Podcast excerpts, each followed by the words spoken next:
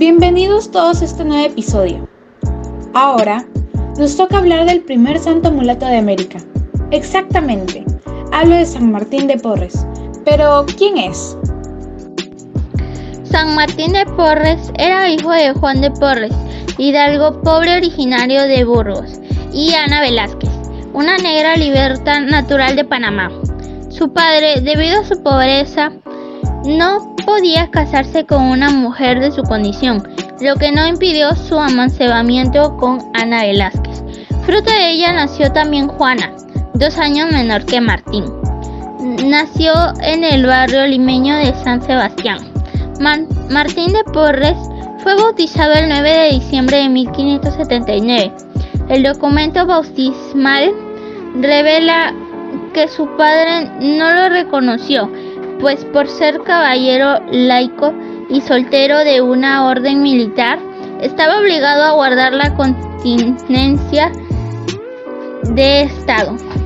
Hacia 1586, el padre de San Martín decidió llevarse a sus dos hijos a Guayaquil con sus parientes. Sin embargo, los parientes solo aceptaron a Juana y a Martín de Porres hubo que regresarlo a Lima, donde fue puesto bajo el cuidado de doña Isabel García Michel, en el arrabal de Malambo, en la parte baja del barrio de San Lázaro. Habitaban por negros y otros grupos raciales. En 1591 recibió el sacramento de la confirmación de mano del arzobispo Santo Toribio de Mogrovejo.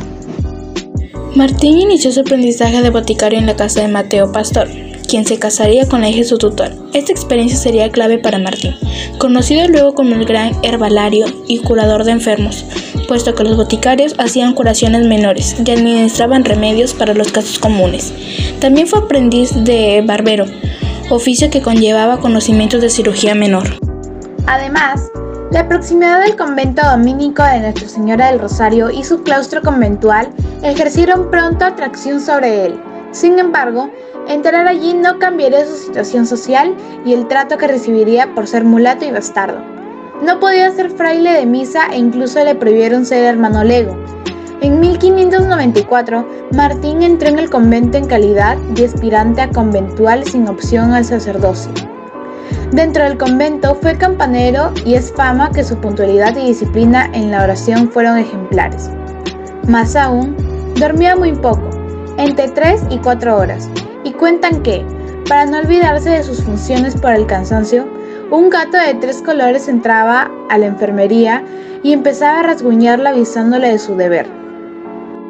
Sus agiógrafos cuentan que tenía varias devociones, pero sobre todo creía en el Santísimo Sacramento y en la Virgen María, en especial en la Virgen del Rosario, patrona de la Orden Dominica y protectora de los mulatos. San Martín de Porres fue seguidor de los modelos de la de santidad de Santo Domingo de Guzmán, San José, Santa Catalina de Siena y San Vicente Ferrer. Sin embargo, a pesar de su encendido fervor y devoción, no desarrolló una línea de misticismo propia. La vida cotidiana del futuro santo era frugal en extremo. Era muy sobrio en el comer y sencillo en el vestir. Usó un simple hábito blanco toda su vida. Se, dice que cuando murió no hubo ropa con que amortajarlo, así que lo enterraron con su propio hábito ya roído. Reconocemos que San Martín transmitió valores como fueron la caridad hacia los necesitados, la penitencia y vocación de servicio Dentro de ellos se enmarca su vida, porque siempre demostró que se sacrificaría por los demás antes que por sus propias necesidades. Muchas gracias por escucharnos. Nos despedimos con esta frase de San Martín de Porres, y dice así, no te quejes, eso demuestra un descontento con la voluntad de Dios en el momento presente. Eso también es prueba de impaciencia. Muchas gracias.